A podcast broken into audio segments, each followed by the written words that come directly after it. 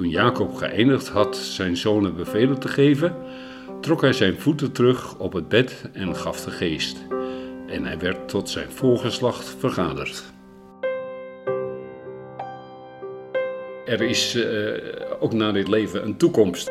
Ik heb het vertrouwen dat uh, er hier op deze wereld ook meer is uh, tussen hemel en aarde dan je nu herkent. We hebben eigenlijk een enorme band met de mensen opgebouwd. Toch, toch een vorm van een vriendschap. Welkom bij de podcast Zin. Een podcast van de wijkgemeente Zuidwest in Veenendaal. In deze podcast komen gemeenteleden aan het woord. Zij delen hun favoriete zin in de Bijbel en vertellen hoe deze zin in hun leven betekenis krijgt. Ik ben Marije Stegenga. In deze 17e aflevering is Wim aan het woord.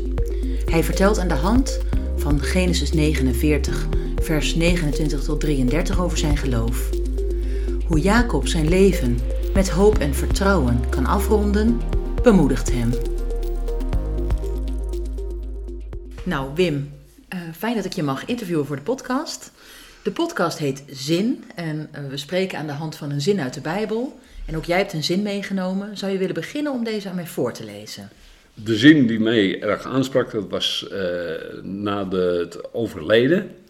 Dat er dan staat, trok hij zijn voeten terug op het bed en gaf de geest. En hij werd tot zijn voorgeslacht vergaderd. En dat vind ik heel mooi. Ja, en het, is, het gaat over Abraham. Ja. En Abraham sterft. Ja. En hij trekt zijn voeten op, terug op het bed en hij gaf de geest. En waar staat dat voor jou voor, voor dat je deze tekst kiest? Nou, het aardige vind ik van hij heeft alles geregeld. Want het verhaal, zoals we net even gelezen hebben, dat is nadat hij de instructies zeg maar, aan zijn kinderen gegeven heeft. Oh, ik ben er klaar mee. Ik trek mijn voeten op en klaar. Hij heeft het allemaal op orde. Het is allemaal in orde, alles is geregeld. En dan vind ik het mooie dat hij dan zegt van, nou, het is, ik trek mijn voeten op en, ik, en hij ging heen, hij gaf de geest. Maar daarna staat er nog een klein stukje en hij werd tot zijn voorgeslag vergaderd. En wat betekent dat volgens jou? En dat is de hoop. Dat is, er is ook na dit leven een toekomst. En dat is een hoop die heel veel mensen hebben natuurlijk. Maar ja, dat vind ik hier heel erg mooi verwoord. Dat je met zo'n zekerheid je voeten op kan trekken. Ja, en, het, en het, er wordt niet gezegd en, en hij ging naar de hemel of hij kwam bij God. Maar hij werd met zijn hij voorgeslacht met, vergaderd. Hij werd met zijn voor, voorgeslacht vergaderd. En voor mij betekent dat dat hij herenigd wordt met, de, de, met zijn voorgeslacht, met de overledenen. Ja. En dat vind ik een prachtig, prachtig beeld. Ja, want, want als jij, hè, we denken dat het nog, en we hopen dat het natuurlijk nog heel lang duurt, maar als jij later komt te overlijden, zijn er dan uh, mensen uit jouw voorgeslacht waarmee jij hoopt te worden vergaderd?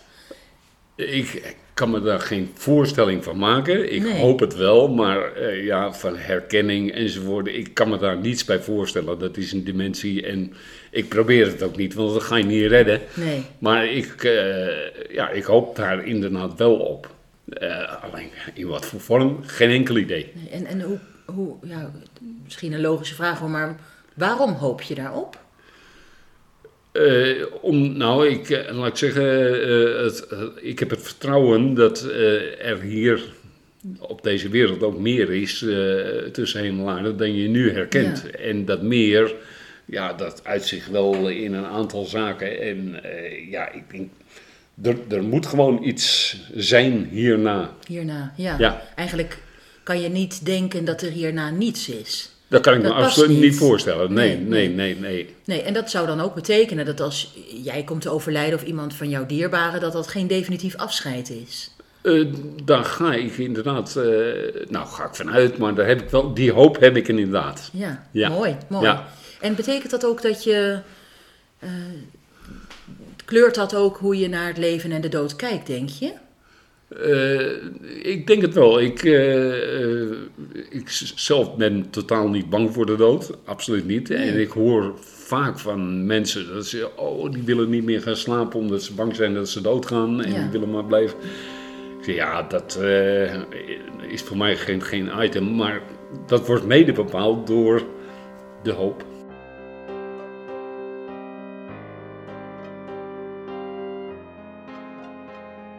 En je zegt, ik ben helemaal niet bang voor de dood. Nee, totaal niet. Nee. Eh, ook omdat het onontkoombaar is. Dus eh, Ja. je moet reëel zijn. Eh, het overkomt ons allemaal. Het is de enige zekerheid die we hebben. Ja, ja is ook zo. Ja. Ja.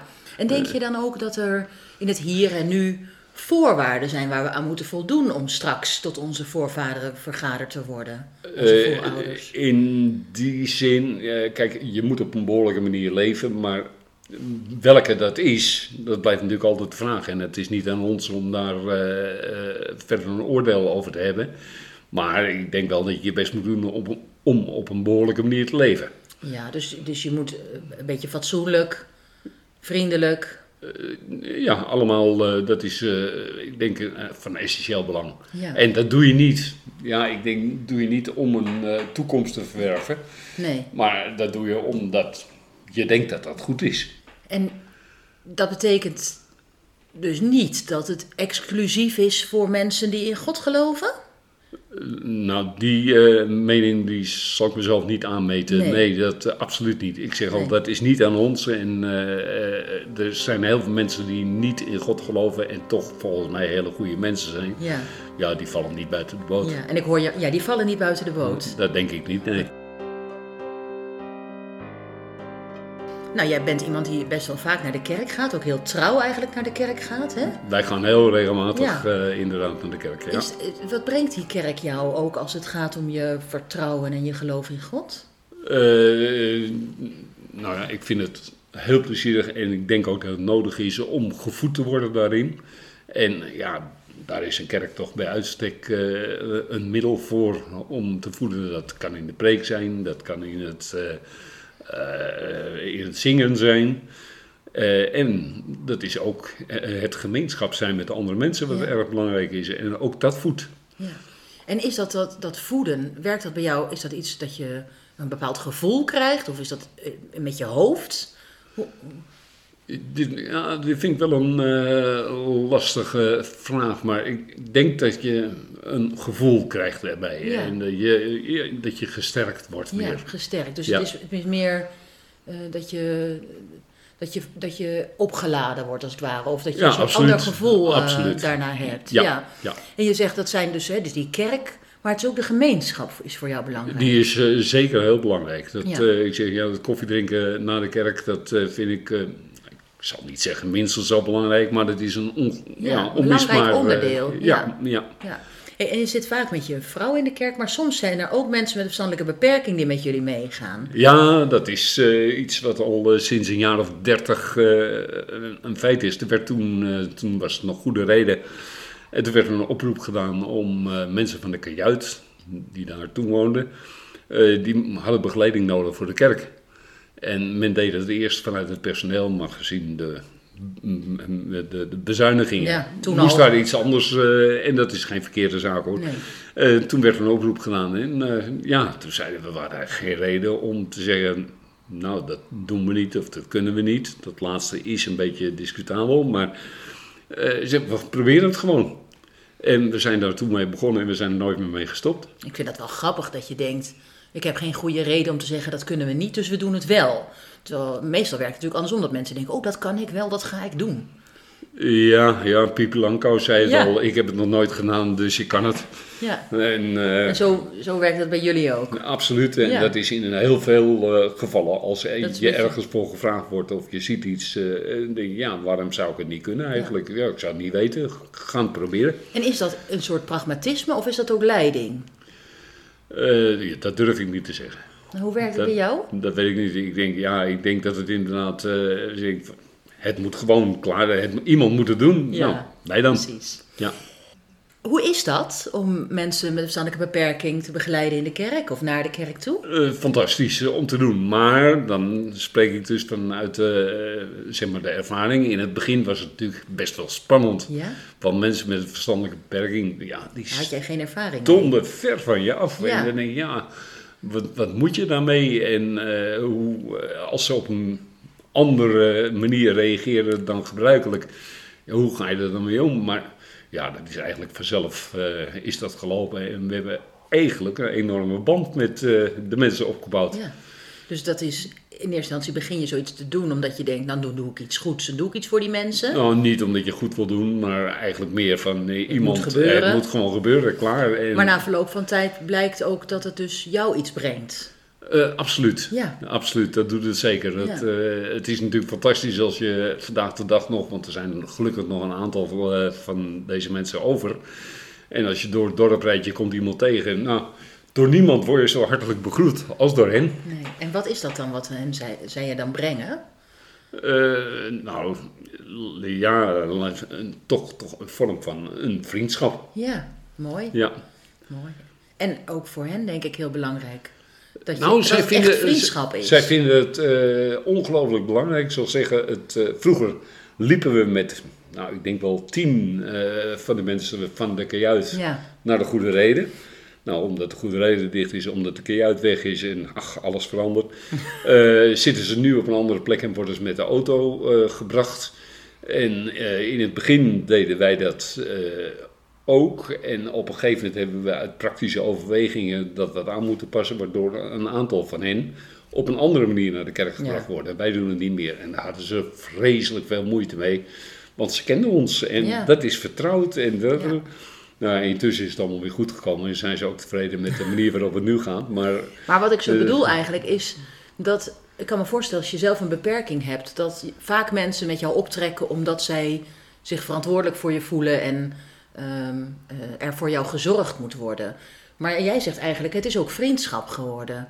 En dat betekent dat het twee kanten op gaat. En dat het niet meer alleen maar is dat jij voor hen komt zorgen... maar dat het je ook iets brengt. ja, het is geen eenrichtingsverkeer, het is echt tweerichtingsverkeer. En eh, ja, iedereen die eh, regelmatig in de kerk komt en de begroeting 's morgens van deze mensen met bekenden ziet en het enthousiasme en de spontaniteit. Ja, die, die her- iedereen herkent dat. Ja. Dat vindt iedereen prachtig.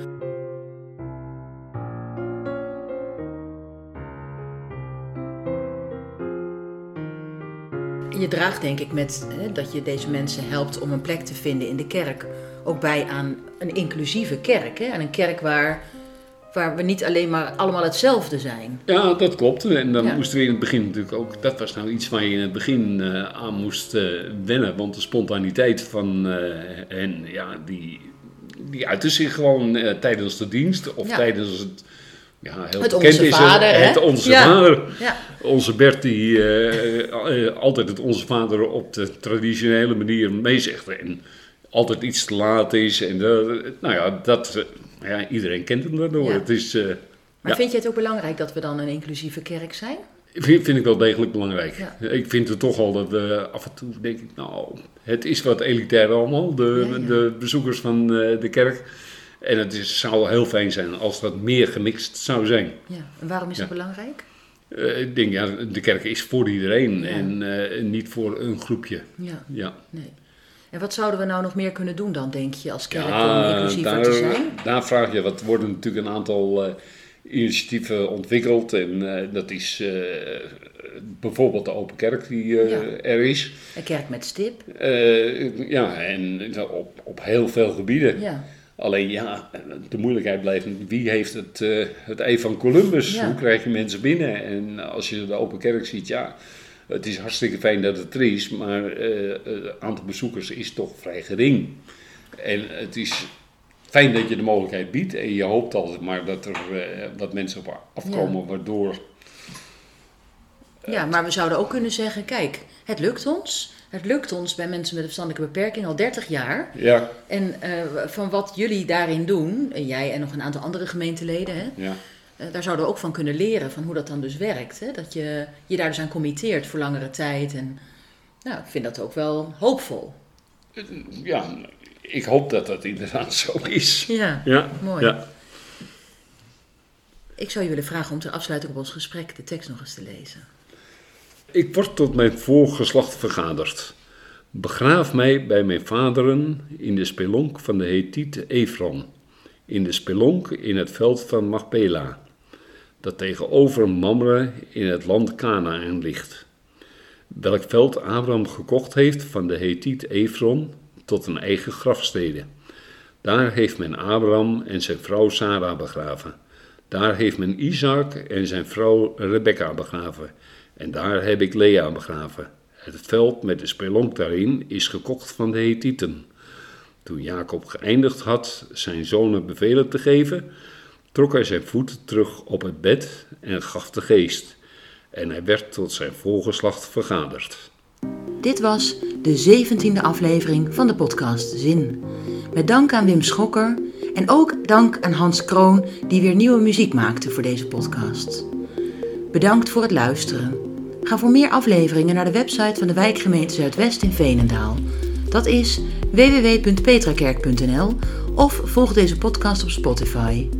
Voor meer informatie over de wijkgemeente Zuidwest gaat u naar petrakerk.nl.